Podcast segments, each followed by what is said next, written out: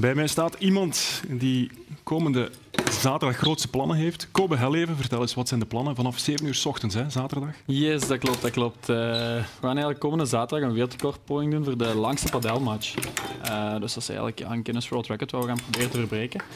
Um, en die vinden eigenlijk plaats volgende week uh, zaterdag tot zondag eigenlijk. Hè, want het is minstens 26 uur en een half dat we ons best gaan doen om het te verbreken op Excelsior Hasselt. Hoe lang?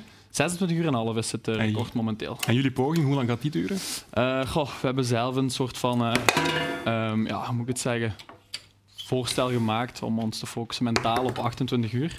Ja. Uh, maar ja, we gaan zien hoe lang dat we het volhouden natuurlijk. Hè. Als we het breken is al heel mooi, maar kunnen we het hoger zetten, dan uh, gaan we dat zeker niet laten. Wie zijn de partners in crime? Yes, dat zijn uh, echt wel drie van mijn beste kameraden. dus dat is enerzijds Jens Mazeneer, die ik ken van mijn studies in Leuven. Anderzijds Juan Fernandes Peralta, die ik al zeer lang ken.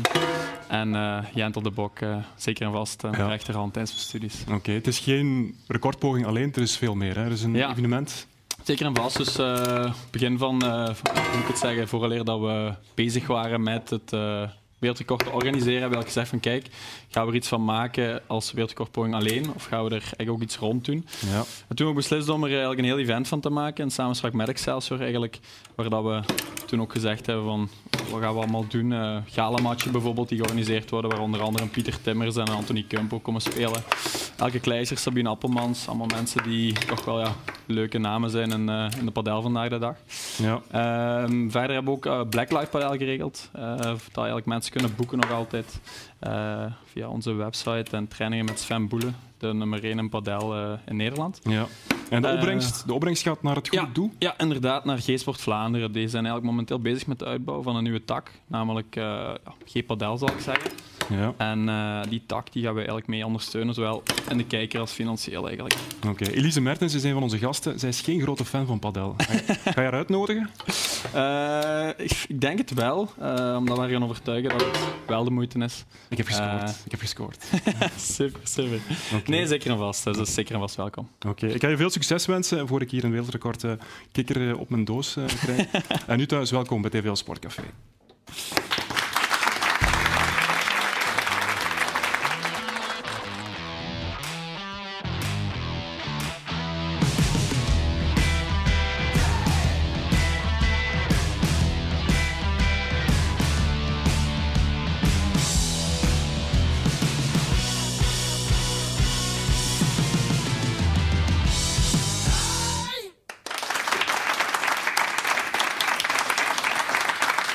Een hele goede avond. Welkom bij TVL Sportcafé. Het is vanavond een uh, avond vol ambassadeurs. Straks eentje uit het tennis, Elise Mertens. Eentje uit het wielrennen, Dylan Teuns. Maar beginnen doen we met misschien een van de grootste uit het voetbal in Limburg. Dat is Luc Nielis en onze analist Stef Wijnands.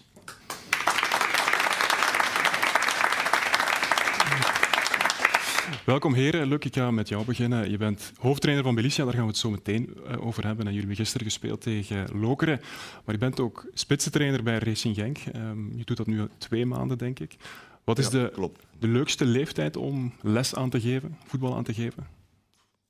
Ik begin aan vanaf de bovenbouw, dat wil zeggen vanaf spelers uh, U15, U16 tot U23, U21.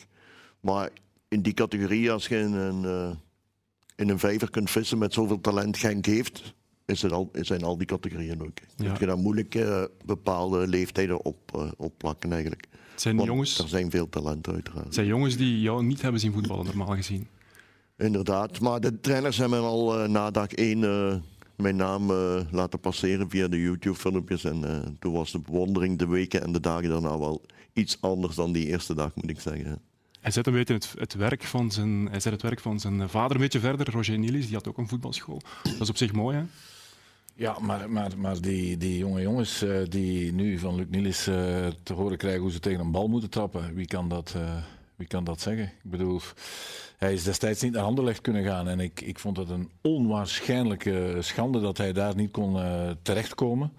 Uh, als je nu ziet, uh, Anderlecht welke spitsen ze hebben en hoe die naar de goal trappen, daar had, uh, daar had Luc nogal wat werk kunnen geven. En het is te hopen dat Racing Genk, die hem nu wel heeft genomen, dat Racing Genk daar in de toekomst wel mee gaat varen, Niels. Zo is dat. Zo dadelijk praten we verder. Tijd voor de film van het weekend.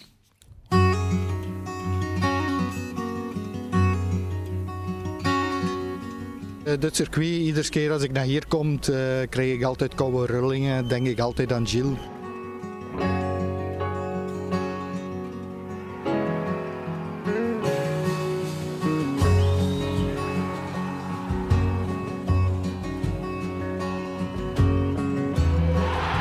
Dit komt wel even heel zuur binnen. Uh, we hadden de wedstrijd eigenlijk onder controle. It's been a bit the st story of, uh, of us this season. We, we've had the game in our hands and we, uh, we've uh, thrown it away at the end.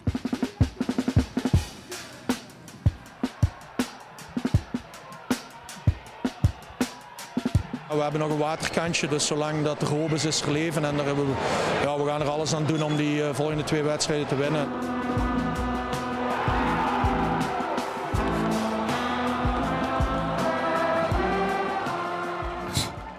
Ja, mooie beelden uit Bilze en Bilicia een ronde verder. Luc, het was een spektakelstuk. Ja, ik vond dat ik snel was nog. nee, het was inderdaad een spektakelstuk. Als je die wedstrijd op voorhand bekijkt tegen Lokeren, Temse thuis mogen spelen, was op zich al een heel uh, beleving voor die spelers. Eindronde halen in Bilze was al voor het seizoen een droom wat, wat uitkwam nu op laatste. En als je dan die wedstrijd kunt spelen tegen, tegen een ploeg die toch de week ervoor nog de titel miste op, op, een, op een doelpunt na. Ja, dat, was een ideaal affiche voor ons. Ja, jullie doelman Leo Cascio, ik las vandaag en ja, dat hij eigenlijk, daar werd aan getwijfeld op het begin van het seizoen en dan doet hij dit in zo'n wedstrijd. De club heeft daar blijkbaar aan getwijfeld. Ik wist ook niet. Ik heb de eerste wedstrijd die ik heb gezien van Belicia Bulls was tegen Zwarte Leeuw voor de beker. Toen, uh, net voordat ik tekende. En toen zag ik al genoeg zijn presence en zijn kwaliteiten in die wedstrijd was voor mij voldoende om, om daar niet aan te twijfelen. En naarmate het seizoen vorderde, heeft die jongen enorme sprongen gemaakt. Die is gegroeid, uh, buiten zichzelf gestegen, heeft veel punten gepakt voor ons. Ik denk 14 of 15 clean sheets gedaan. Dat is echt voldoende. En het afgelopen weekend heeft hij dan nog eens uh, bekroning van speler van het seizoen geworden. En dan nog eens het bekroning op werk gezet van de wedstrijd uh, naar hem toe te trekken in de strafschoppen. Ja, jullie hebben nu Lokeren uitgeschakeld. Nu volgt Eendracht Aals, opnieuw een grote naam uit het Belgisch voetbal. Wat verwacht je van die tegenstander? Een heel goede tegenstander. Ja, ik denk voetballend vind ik uh, Aalst een van de beste voetballende ploegen uit onze reeks. Uh, Hoogstraat is kampioen geworden, maar ik vind dat uh, Aalst bijna naast Hoogstraat had, had, moeten staan. Ze hebben een mindere periode gehad, daardoor dat ze die titel hebben misgelopen. Maar ik verwacht hun toch een van de ploegen die het vers gaat geraken. Oké. Okay. Stef, je hebt het seizoen van Belicia ook op de voet gevolgd. Mm -hmm. Je kent het project. Het is een strafseizoen. Eerste jaar na de fusie, meteen dit al kunnen brengen. Het is een wonderlijk verhaal, Niels. Want uh, Spouwen, Moppertingen en, en Bilze waren eigenlijk al, al, al jaren aan het kijken of ze niet konden fusioneren. En uiteindelijk uh, hebben ze het uh, toch gedaan. En uh, ik denk niet dat ze verwacht hadden dat het zo snel zou gaan. Want ik was in het begin van het seizoen, toen was Luc nog niet eens uh, trainer daar. En ja, toen was de bedoeling met allemaal jongens, veel jongens van de eigen streek te gaan spelen. Dat hebben ze, dat hebben ze gedaan. En dan hebben ze Luc bijgehaald. En Luc heeft hen uh, qua naamsbekendheid, die naam Belicia, die niemand kent, mm -hmm. meteen op een, een, heel hoog niveau gebracht. Waardoor iedereen in Aalst, in Lokeren, in Gent, noem maar op, iedereen kent nu plots al heel snel Belicia. Dus dat is een dat is een, een zeer straf uh, verhaal dat het op die manier nu zo snel gegaan is. Ja, je vertelt het, ze hebben een plan. Ze willen voetballen met jongens van, uh, vanuit de eigen regio. We gaan eens luisteren naar de voorzitter, Luc Jansen, wat hij daarover te vertellen heeft. Ja, dat is de basis van, uh, van ons startpunt eigenlijk geweest. Jongens uit de regio die uh, ja, toch een goede opleiding hebben gehad en die eigenlijk uh, mee de uitstraling en de beleving zullen mee accentueren van, ons, van onze visie. En vandaag spelen er ook een achttal jongens in de ploeg van op minder dan 10 kilometer rond het stadion. En daar zijn we heel blij mee, maar ook onze supporters en onze sponsors zijn er ook heel blij mee. En dat, dat werkt en dat klikt. En ik moet zeggen, ook sportief hebben wij verrassend een heel mooi seizoen gehad door juist die insteek. En dat is ook de basis naar volgend seizoen toe. Het meeste van de kern heeft al bijgetekend, zelfs voor twee jaar. En daarop gaan wij verder, de ploeg verder bouwen. Ja, zoveel mogelijk Bilzenaren, Luc. Dat is een heel mooi plan. Er is er eentje die jullie nog niet in doel gaan kunnen zetten, denk ik. Hè? Wat blieft?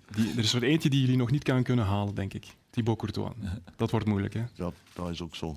Ja. Maar ik denk, als, als onze doelman zo verder doet, dan uh, denk je moet altijd uh, schoenmaker blijven bij je lees blijven en uh, op het niveau denken en iedereen vertrouwen geven op dat niveau. En uiteraard ja. wat Thibaut Courtois presteert.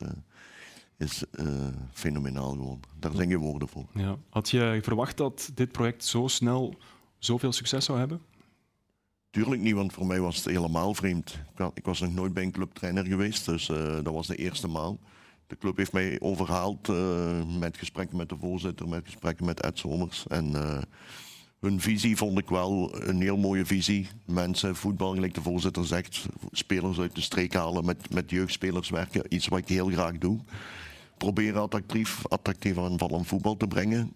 En als je dan ziet, uh, gelijk gisteren ook, na een heel zwaar seizoen, toch in die verlenging achterkomen, terugkomen en die wedstrijd toch nog naar je hand zetten met zo'n jonge groep. Daar, daar, daar haalt je zoveel plezier aan uit als trainer om, om met zulke gasten te werken. Dat is, Ja. dat is het mooiste wat er is. Je vormt als het ware een tandem met Jan Schoefs. Hoe, hoe gaat dat, die verstandhouding? Heel dat? goed. Ik denk wat, wat ik hem, eh, een beetje tekort heb, heeft, heeft hij uitermate genoeg aan. Wat heb jij tekort? Wat heb om jij dat tekort in- om dat in te vullen. Maar ik moet zeggen, ik heb hem die vraag nog vorige week gesteld. Ik heb nog nooit of nooit iemand tegengekomen, zolang als ik voetbal, die zoveel van voetbal kent. En die zoveel spelers uit onze eigen regio van binnen en van buiten kent. Onze tegenstander analyseert. Lokeren hadden we eigenlijk geen tijd gehad om die te analyseren. Maar hij had dinsdag al iedereen naam op papier en het klopte als een bus. Ja, Dus complementair. ongelooflijk straf. Ja. Ja. Er is ook eh, ambitie qua infrastructuur. Er komt een nieuw stadion. De club is goed bezig. Ja, ja. maar- Kunnen ze dit je moet- volhouden? Je moet zo zien, Niels. Dat is een nieuwe fusieclub. Hè. En eh, eigenlijk is dat plots de zesde club in Limburg. Hè. Je hebt, je hebt Genk, eh, Sint-Truiden, Lommel, eh, Tes en Patro. En dan plots uit het niets Ja. is daar Belicia. Dus het groeit zo snel. En weet je wat ook leuk is daar aan Bilze? Dat is een hele mooie site. Hè. Je hebt daar goede tennisvelden. Padel leeft daar. Het zwembad ligt daarbij, dichtbij. En in Bilze zit best wel wat, zijn best wel wat mogelijkheden om wat te doen. Om nu te zeggen dat ze een stadion moeten bouwen voor 1B of, of zo verder. Dat, dat weet ik niet natuurlijk. Dat, dan spreek je, nu spreek je over tienduizenden euro's. Hè, als je dingen wil doen of als je iets wil verbouwen, misschien een paar honderdduizend. Maar als je straks naar 1B gaat, ja, dan moet je beginnen te spreken over miljoenen. En dan ben je bij de grote jongens, wat Tess in eerste instantie problemen mee gehad heeft, wat Patro probeert te doen. Ja, je moet, die, je moet dat geld hebben. En dat is natuurlijk een next level. Dan weet ik niet hoe snel ze daarvoor zullen klaar zijn. Maar heel dat verhaal van die, van die mensen in de, in de buurt, die goed zijn opgeleid bij andere ploegen, ja, dat, eh, dat is wat Luc zegt. Dat, Jans Goes kent die allemaal. Ja, over eh, je trainersdiploma. Je bent bezig met dat diploma. Daar spreekt een zekere ambitie uit, denk ik. Eh, Is dat ook de bedoeling om daar stappen in te zetten? Nee, het is omdat het moet. ik ben verplicht om dat te volgen. Als coach eh, van de tweede nationale club eh, ben je verplicht om een UEFA-diploma te hebben. Dus ik heb mij in het begin van het seizoen ingeschreven. En dat gaat over anderhalf jaar. Is- in het begin dacht ik, oké, ik, moet, ik moet het volgen. Maar uiteindelijk haal je er natuurlijk ook wel dingen uit wat je in, in een trainersmodus zet. Van, Anders ga ik meer als speler denken en dat is niet de bedoeling. Uiteindelijk moet je toch leren om als coach te functioneren en een wedstrijd te analyseren en te denken als coach, niet als speler. En, en daar leer je natuurlijk wel in die cursus. Ja. Het, het minpunt is, ik, ik ben niet opgegroeid in eh, de periodiseringen en de databases en al die dingen via computers en zo. Dus dat moeten we allemaal op computer zetten. En dat is natuurlijk het, het, het minpunt in, voor mij in dit verhaal. Het, het voetbalgedeelte is, dat, dat gaat mij gemakkelijker af. Maar eh, eens het IT-gedeelte, dan... eh, mm. Oké. Laten we het eens hebben over je andere werkgever Racing Genk. Geloof jij nog in Europees voetbal daar? Ik denk dat als club Genk zijn, dan moet je daar altijd in geloven. Maar de kansen slinken natuurlijk. Als ze waren goed gestart, eh, zonder echt fantastisch goed voetbal, vond ik. Ik heb wedstrijden gezien, maar nu hebben ze toch weer op Charleroi punten laten liggen. En met Gent in de poelen lijkt me dat eh, nog een, he- een heel zware klus. Ja, Stef, de invallers deden het tegen Charleroi. Eh, morgen is er al de terugwedstrijd. Ja, inderdaad. Hoe kijk je daarnaar? Want eh, het kan morgen gedaan zijn als Gent wint. Ja, hoe kijk ernaar, Niels? Eh, het, het is een, eh, de wedstrijd in Charleroi weerspiegelt, uh, ik hoorde het net in de, in de quote, het weerspiegelt natuurlijk het hele seizoen. Redelijk begonnen in Charleroi, dan eigenlijk een non-eerste helft. Zij vinden dan dat dat niet slecht was. Nee, maar dat lijkt. Ze, hebben, ze hebben nauwelijks kansen gehad. Dan, dan staan ze achter, ze moeten wisselen. Dat doet hij weer goed. Hij, hij speelt ridder of mis. Hij, hij gooit alles open wat hij kan, want hij heeft niks meer te verliezen, Stork. Want de kans dat hij zal blijven volgend jaar is niet bijster groot, om te zeggen bijna onbestaande. Dus hij doet waarin hij zin heeft. En het, het hele rare is dat hij constant zit te, te, te roteren. te roteren. We we gaan eens luisteren naar een quote, want er was vanmiddag een persconferentie bij Racing Genk. Dit was wat Bernd Stork daarover te vertellen had. When you have every th- three days a game, yeah, you have to do, you have to mix something. Somebody has to play again. Somebody has to change also more to take a little bit rest. Also to see what was not so good in the last game to make it better in the next game. The other can make it better now from the beginning. Yeah, they make good training session. We prepared them. I prepared always double. You know, when I work with my players, I work in the defense, for example, with the midfield, immer on the double position. You know, I have every position double. Yeah. So when I change, I change. They know the position. It's nothing change for them. They have to do the same job. Ja, Luc, kan je blijven roteren zonder kwaliteitsverlies? In mijn ogen niet. Ofwel moet je zo'n sterke kern hebben. En Wat hij zegt dat hij heeft, hoor, Luc. Dat zegt hij elke week. Al vijf maanden heb ik daar discussie over met hem. Dat hij vindt dat hij eh, eh, op elke positie, behalve voor Maar op, op hoeveel posities roteert hij? Nou, hij- op ballen. Al- Behalve Ja, Ito, dat- die dat speelt... Die speelt Zie Brian zie- en Brian speelt altijd, ja. Zie jij Guardiola veel roteren? Ja, maar goed... Af en toe een paar posities, maar en, en eh, heb je die kern gezien? Hoeveel wedstrijden spelen die? Ja, nog veel. En, en aan welk tempo spelen die? Ik kan me niet inbeelden. Nee, ja, en mijn- dat is zijn filosofie, dat mag.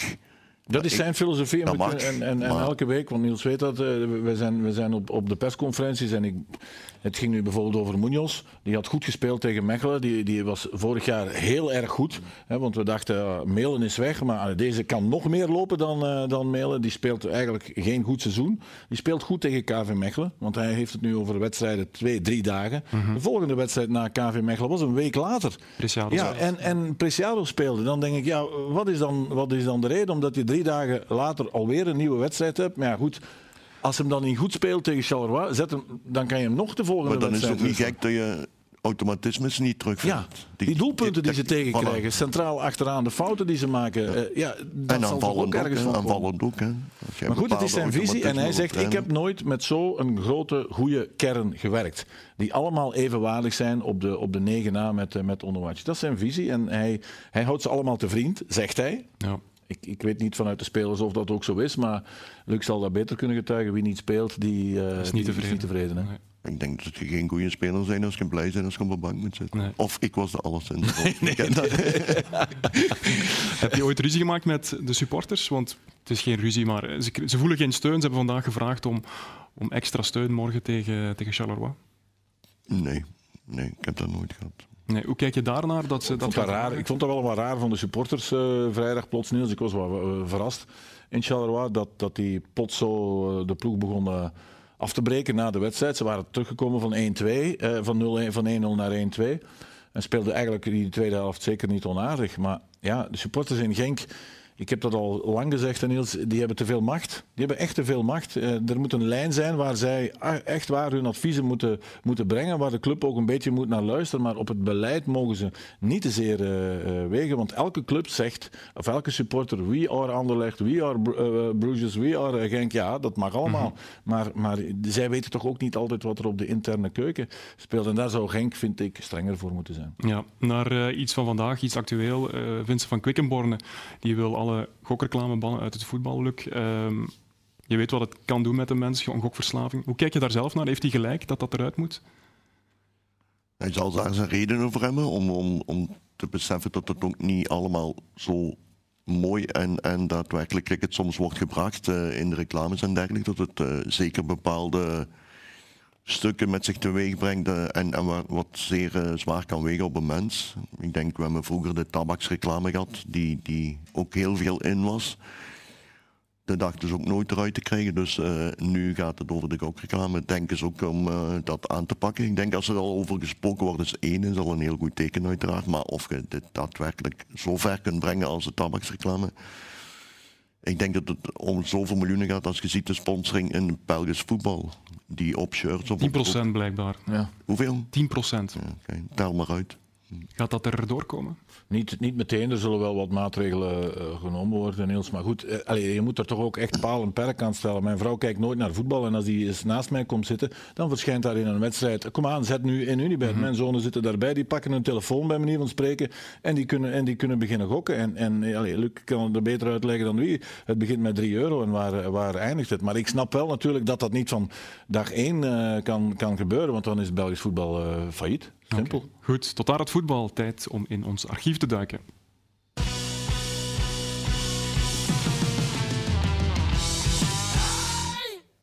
Vijfentwintig jaar geleden maakte het grote publiek kennis met Philippe de Wolf. Toen stond hij in 1997 in de halve finale van een Grand Slam.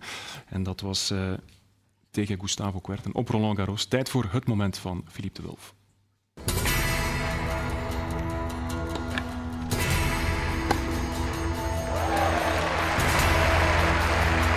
Op 26 mei 1997 staat Philippe de Wulf op het Parijse gravel tegenover Gustavo Kuerten. De inzet is een plekje in de finale van Roland Garros. Ja, het was zo leuk omdat we elkaar, ja, twee uh, neofieten in de halve finale. En, en uh, hij was een heel sympathieke kerel. En uh, ja, dat was, dat was, om die ervaring dan samen te delen was, was echt wel speciaal. Een paar uur daarvoor is Annick Stoops, vriendin van de Wulf, overgevlogen naar de Franse hoofdstad. Ik ben redelijk laat gaan slapen, tegen half 1, 1 uur, zodanig dat ik zeker in slaap zou vallen.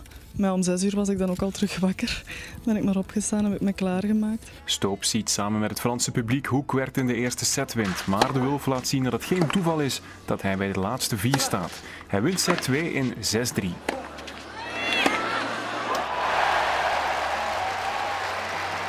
Puerto neemt daarna de bovenhand. De Braziliaan, die zal uitgroeien tot de gravelkoning in Parijs de komende drie jaar, wint set 3 met 6-1.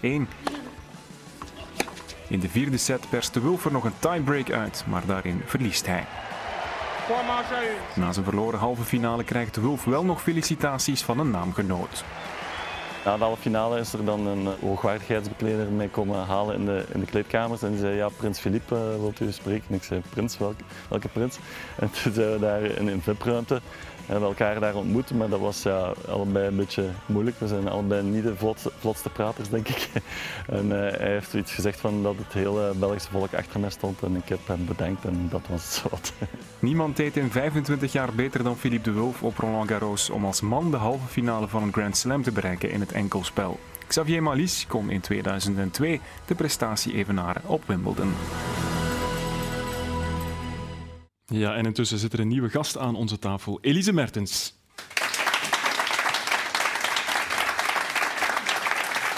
Welkom Elise. Mag ik zeggen dat je hier eigenlijk niet had willen zitten? Ja. Dat je liever in Rome had gezeten, ja, daar had je moeten zitten. Ja. Langs de ene kant wel, ja. Je bent geblesseerd? Of? Ja, ja, ik heb er bijna vanaf. jammer een scheurtje gehad in mijn bovenbeen. Um, maar ik ben er hopelijk zo goed als vanaf. Ik heb nu een, een tweetal weken getraind. Um, dus ja, ik hoop dat ik nog een, een voorbereidingstoernooi kan doen voor Roland Garros. Ja, want het gravelseizoen komt eraan, is eigenlijk al bezig. Ja, het gravelseizoen is al bijna gedaan. Bijna gedaan. Ja. Ja. Hoe problematisch is dat voor jou, dat je geen ritme hebt op dat gravel? Goh, ik heb natuurlijk vorig jaar wel verschillende graveltoernooien gespeeld. Um, dus ja, het ritme heb je eigenlijk wel nodig op gravel, maar langs de andere kant, ja, het lichaam gaat voor. Um, als het lichaam niet wilt, dan, dan kun je toch niet beginnen. Dus ik probeer mij een beetje ja, vast te klampen oké, okay, ik heb twee weken goed gewerkt. Um, ja, twee, drie weken goed gewerkt, dan probeer ik nog wat matchen uh, voor Roland Garros om toch wat, wat, ritme op te kunnen doen. Ja, uh, Kobe die zit achter jou, die wil je uitnodigen voor het padel-event. Ga, je kunnen? Ga je kunnen zaterdag? Ik kan niet, ik ben, al, ik ben donderdag weg. Dus ja, ja jammer genoeg. Naar? Uh, naar Strasbourg. Dat is een graveltoernooi? Dat is een gravel. Daar ga je sowieso spelen? Daar ga ik sowieso spelen, ja. Ja, ja ik denk dat Roland Garros toch, ja, of het met of zonder pijn is, ik ga het sowieso spelen. Ja, je hebt niet stilgezeten, hè? hebben we gezien op jouw sociale media. We gaan eens kijken, want je blijft hard werken, ook uh, met een blessure. Daar komen de beelden. Voilà. Wat ben je hier aan, hier aan het doen? Ja, dat is altijd met, uh, met een beetje weerstand. Probeer de eerste passen um, erin te krijgen om snel te kunnen starten. Volgt die vrachtwagen eigenlijk die daar aanhangt? Of, uh, Moeilijk. Je bent iemand die veel wedstrijden wil spelen. Ja. Uh, maak je je dan zorgen met het oog op Parijs? Goh, langs de ene kant wel natuurlijk, omdat uh, ik dan ook bijna nooit heb gehad dat ik een blessure juist voor een Grand Slam heb uh, gehad. Langs de andere kant, als ik dat mag zeggen, ik heb toch een beetje ervaring. Um, dus ik weet wel ja, wie ik ben als speelster en dat is toch wel belangrijk. Ja, maar het is wel niet je favoriete ondergrond, denk ik. Hè? Goh, misschien niet. Het is niet echt uh, ja, waar ik de beste resultaten heb neergezet. Langs de andere kant kan ik vrij spelen. Maar we gaan natuurlijk voor de winst. Ja. Het feit dat je hier nu al even in België bent, geeft jou misschien wel wat mentale rust. Zeker weten. Um, gelijk een tennisseizoen of een tennisjaar is van januari tot en met november. Dan heb je daar eens één week tussen waar je eens vakantie hebt en, en twee weken op het einde van het jaar. Dus het is een redelijk druk programma. Maar ik doe het nog altijd even graag. En, en natuurlijk, ik wil zoveel mogelijk matches spelen, ook nog zoveel mogelijk jaren meegaan. Ja. Uh, Roland Garros is het enige toernooi dat je in de dubbel nog niet gewonnen hebt. Dat is ook belangrijk om daar dan te staan. Ben je daarmee bezig met dat dubbel? Ja, Als je, zo, als je net uit een blessure komt en je weet dat de belasting belangrijk is, of dat dat... Mhm. Ja, ik denk langs de ene kant, ja, de belasting gaat meer zijn, maar langs de andere kant ga ik ook meer matchritme hebben. Ehm, zoals iedereen weet, blijf ik dubbelen. Dat is al een paar keer gevallen van Ja. blijft ze dubbelen. Maar de andere antwoord is nog altijd ja. Ehm, en ja, die Grand Slam ja, winnen, dat is natuurlijk ver, maar niks is onmogelijk. Ja, wie zijn straks de topfavorieten bij de dames eh, in Parijs? Eh, een, In enkel? Een enkel, ja. Swiatek sowieso. Sowieso. Ehm, gelijk een Badosa. Dus ja, de redelijke top 5 toch. Ja, met wie ga je dubbelen in Parijs? Dat gaat nog met Kudermetova zijn. Dus ja, een Russische speelster. Ehm, ja, ze heeft het zelf natuurlijk ook niet gemakkelijk. Ze is zeker niet ehm, voor eh, de oorlog. Ze kan zelf ook niet meer naar huis. Dus ze zit al heel het jaar rond te reizen.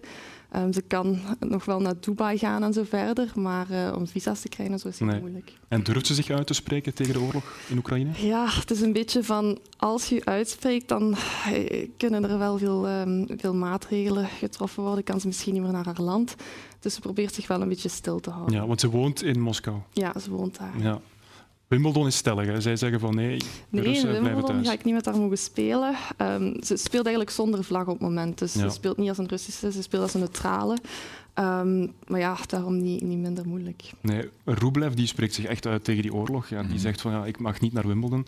Het is wel een eh, groot probleem voor die spelers natuurlijk. Ja, natuurlijk, die staan er eigenlijk allemaal eh, vrij ver vanaf. Maar ja, goed Niels, waar ga je sancties opleggen en waar eh, niet? In, in, in welke sector eh, wel en welke niet? Dus ja, Engeland is daar heel erg eh, streng over. En ja, goed, wat moeten wij daar eh, verder over, over, over kwijt? Voor haar is het natuurlijk wel heel nadelig, want ja, de hoeveelste partner was dat nu zo? Eh, had jij nu opnieuw? Goh, ja, ik heb eh, vorig jaar met Souwei, eh, dus, en het jaar daarvoor met Sabalenka. En is dat er geen probleem dat, dat je dan zo vaak met iemand anders moet spelen? Of? Nee, ja, ik kies dat zelf natuurlijk, hè, met wie ik speel. Allee, dat kies je zo wel wat zelf. ehm, maar ik heb ook bewust gekozen om eh, dit jaar met Kudermetova te spelen. Ja, maar Wimbledon, daar moet je een alternatief gaan zoeken. Ja, ja, ik heb wel een alternatief al gevonden en dat is Zhang Shui. Ehm, staat vijf in de dubbel, ehm, heeft al ja, ook Grand Slams gewonnen. Dus is toch wel geen slechte partner. maar iedereen zal wel met jou willen spelen, neem ik aan. Ja, dat weet ik niet. Ja, ik bedoel, je bent, je bent top van de wereld in een dubbel, dus wie zou niet met Elise Mertens dan willen Ja, spelen? veel hebben wel dezelfde partner. Probeer altijd zo wat te matchen. Dus je moet echt wel iemand zoeken die oké wel zoeken is naar iemand anders. Dat is een Chinese, hè? Dat is een Chinese, ja. En hoe gaat dat dan? In het Engels, hè. In het Engels, jij kan Engels. Stomme vraag. Ah, jij spreekt Engels. en heb je eigenlijk ooit getwijfeld aan, aan te dubbelen met een, met een man, een gemengd eh, koppel te vormen? Ja, ik heb wel eens ingeschreven in Wimbledon eigenlijk. Maar toen had ik de enkel gewonnen, dubbel gewonnen. En dan moest ik in dezelfde dag nog eens mixen. En toen heb ik gezegd, was met een Nederlander. Ik gezegd van ja, nee, dat gaat het toch wel Omdat het een Nederlander is. Voilà, nee. Ja, ja, nee. Maar je kan met David Coffin spelen, je kent zijn broer goed. Hè? Voilà, voilà, inderdaad. Nog niet op eh, tafel ge- gekomen, nee. Nee, nee. Ik denk David eh, speelt eigenlijk niet zoveel dubbel. Speelt heel soms dubbel met, eh, met Dimitrov of zo. Maar dubbel gemeen. Ik heb er wel eens mee gespeeld, een Hopman Cup. Ehm, maar ik ga het nu toch bij enkel en dubbel houden. Als dat echt bergaf... eh Je krijgt al genoeg vragen over dat dubbel, dus laat staan als je dan nog Voilà. niks dubbel Dat gaat helemaal... Nee, eh, maar je nee, wil veel wedstrijdritme, dat is toch, dat is toch ideaal? Ja, ja, ja, dat wel. Maar eh, nu drie matchen op een dag zou misschien wel iets te veel zijn. Niels. dat is waar, dat is waar. Het nieuws afgelopen vrijdag, de Kim Kleinsters Academy stopt ermee vanaf 1 juli. Ja. Jij traint daar natuurlijk, dat is jouw uitvalsbasis. Wat betekent dat voor jou? Oh, ik heb denk de, de voorbije tien jaar heb ik daar gezeten, heb ik daar getraind. Dat was echt een, ja, een tweede thuis voor mij. Dus het is maar 15 of 20 minuten rijden. Dus ja, dat is heel jammer. Ehm, maar natuurlijk, zo, zo is het leven. En dan gaat ze met ups en downs. En ehm, ik denk als het sluit, ik ben er nog niet zeker van, maar de, de tennisclub op zich, zonder de academy, zou wel kunnen blijven bestaan. Ja, dus jij blijft daar. Tot nu toe wel. Ja, maar daar, daar gaat niks veranderen op dit moment. Nee, op het moment nog niet. Ja, gelijk Simon is dan mijn coach. Ik heb zelf een conditietrainer en eh, ik kan bij groep Sam dat juist langs de deur is voor kine en zo verder. Dus eh, op zich verandert het nu nog niks. Oké, goed. Zo dadelijk gaan we het hebben over wielrennen, maar eerst even terug naar het voetbal.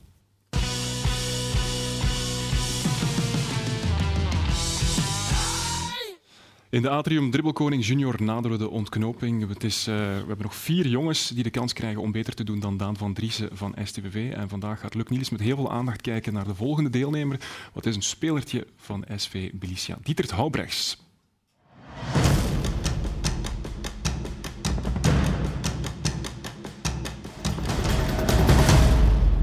Dieter Hoobrechts, 11 jaar, Elysia SV, middenveld. Mijn favoriete speler is Ibrahimovic.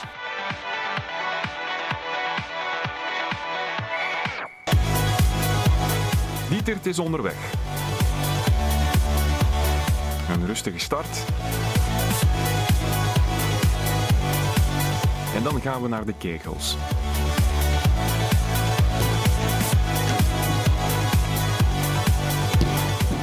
Drie omver, min 6 seconden.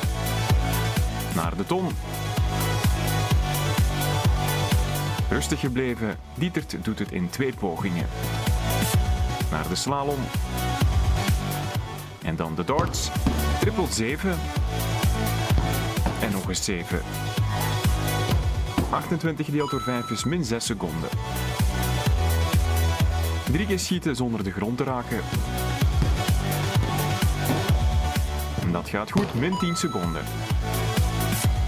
Nu jongleren. En dat levert geen problemen op. De laatste schietopdracht dan. Net niet en dus geen bonus. Nu snel finishen in 1.58.48. Daar gaan 22 seconden vanaf. De eindtijd voor Dietert Houbrechts van Delicia is 36.48. Was het zwaar? Eh, een beetje. Ging het goed, denk je? Eh, ja. Wat waren de moeilijke dingen? Eh, zo daar in die gaten trappen. En die kegels daarom trappen. Hoe had jij je voorbereid op de dribbelkoning? Vooral op de ton oefenen. Denk jij, denk jij dat jij de nieuwe dribbelkoning gaat worden? Nee. nee. Waarom niet? Ja, ik vond dat de vorige wel wat sneller was en zo. We gaan eens kijken hoe hij het heeft gedaan. Dieter Houbrechts, hier is de tussenstand in de Atrium Dribbelkoning Junior. Hij wordt 24ste op 31 deelnemers. Maar Daan van Driessen van de Canaries blijft helemaal bovenaan staan. 54 seconden. Heeft hij het goed gedaan, Luc? Absoluut, hij heeft zijn best gedaan, toch? Dat is belangrijk. Goed, en intussen, last but, ja, ja, wat moet je dat? last but not least, eh, onze volgende gast. Welkom, Dylan Teuns.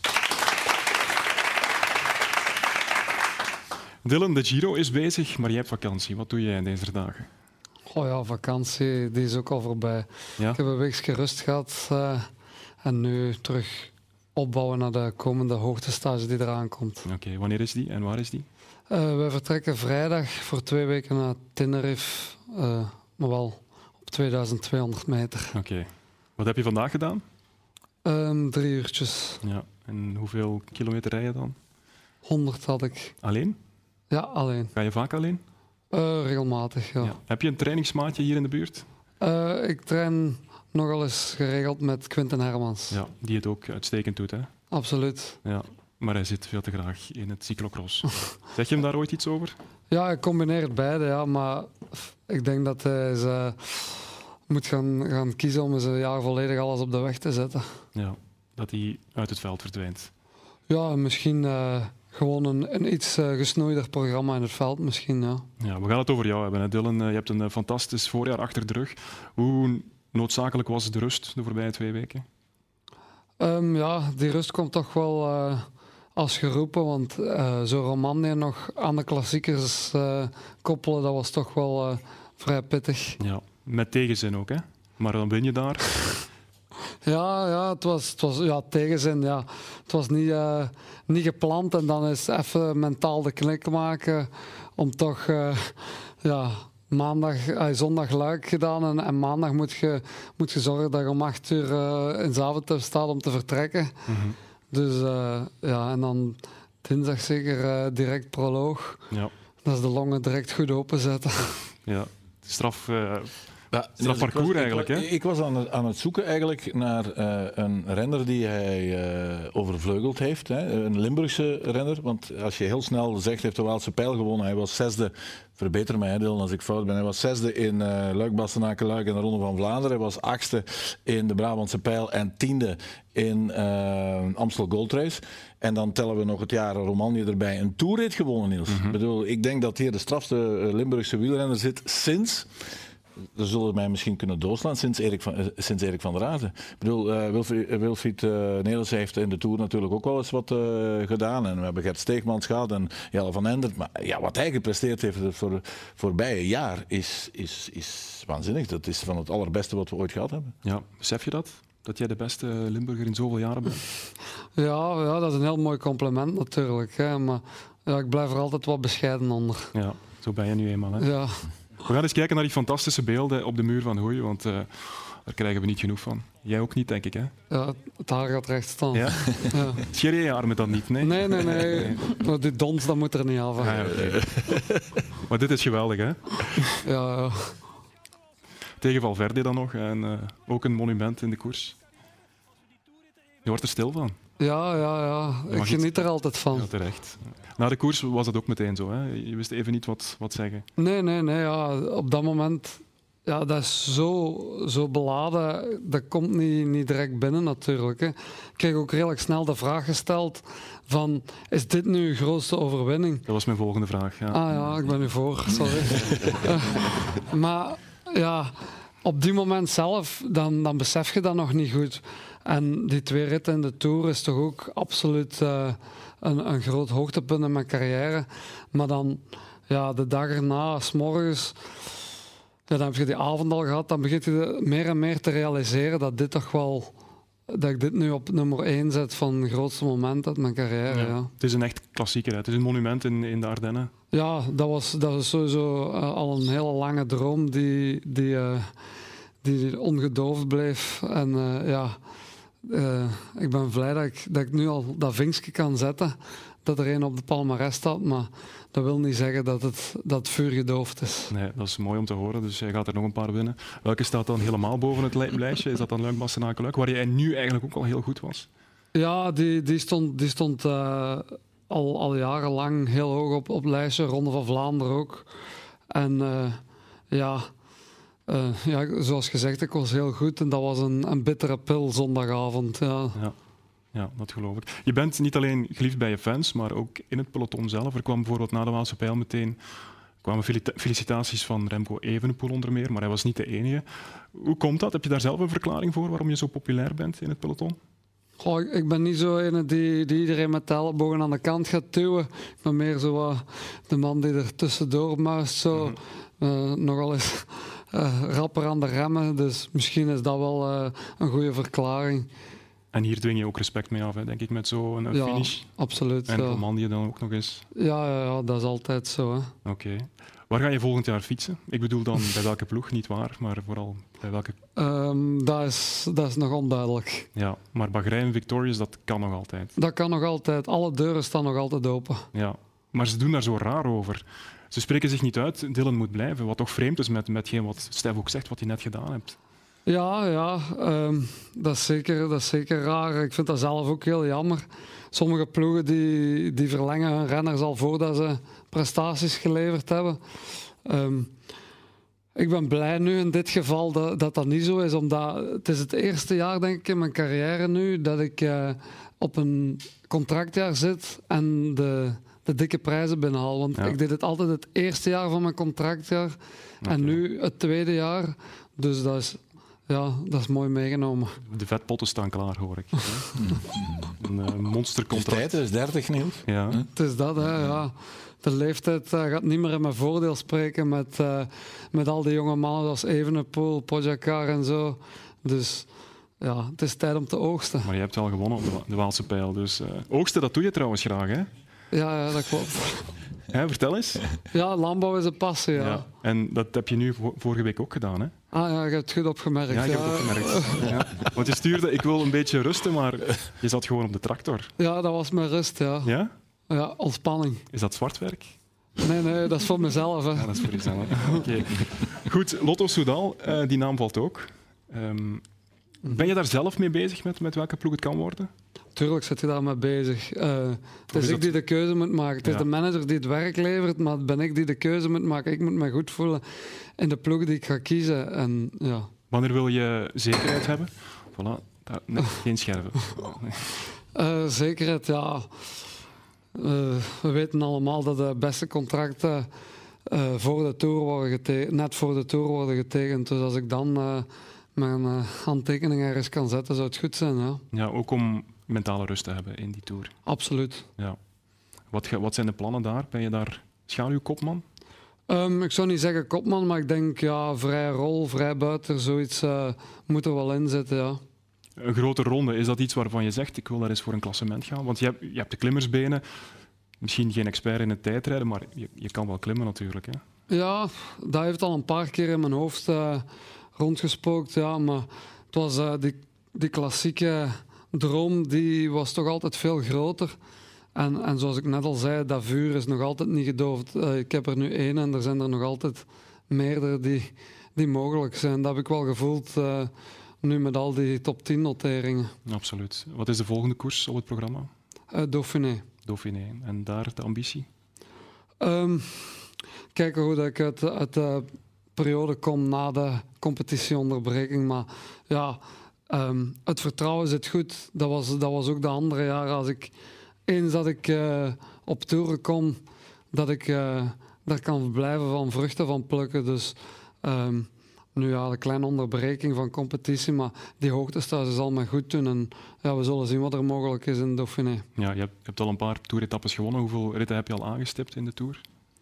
Uh, nog geen eigenlijk. Nee? Nee. Wanneer komt dat? Wanneer ga je dat bekijken, het roadbook? Ik ben niet de renner die echt weken op voorhand nee. zit. Meestal zo de week voordien, als ik de boek krijg, dan ga ik er eens door en dan, uh, dan kijk ik. Voilà, zo, zo kan het ook. Ja. Ik ga jullie alle vier bedanken. Mag ik nog iets zeggen, Niels? Zeker. Ik wil je feliciteren voor de tafel die je hier uh, bij elkaar brengt, want dat is de top. En nu het lijkt een beetje of ik uh, starstruck ben, maar uh, jij zit hier met het, met het beste wat Limburg aan de sport heeft. We hebben met, met, met Luc Dylan die aan de top, Elisa aan de top staat, dus dat mag wel eens gezegd worden dat je hier alle mensen kan krijgen, omdat je er allemaal heel goed mee omgaat. Dus gefeliciteerd, dat zal allemaal graag komen. Nog, voor jullie.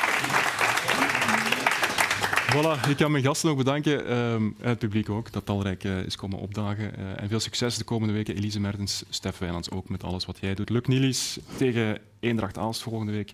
En Dylan nog even rusten en dan weer vlammen. Bedankt allemaal.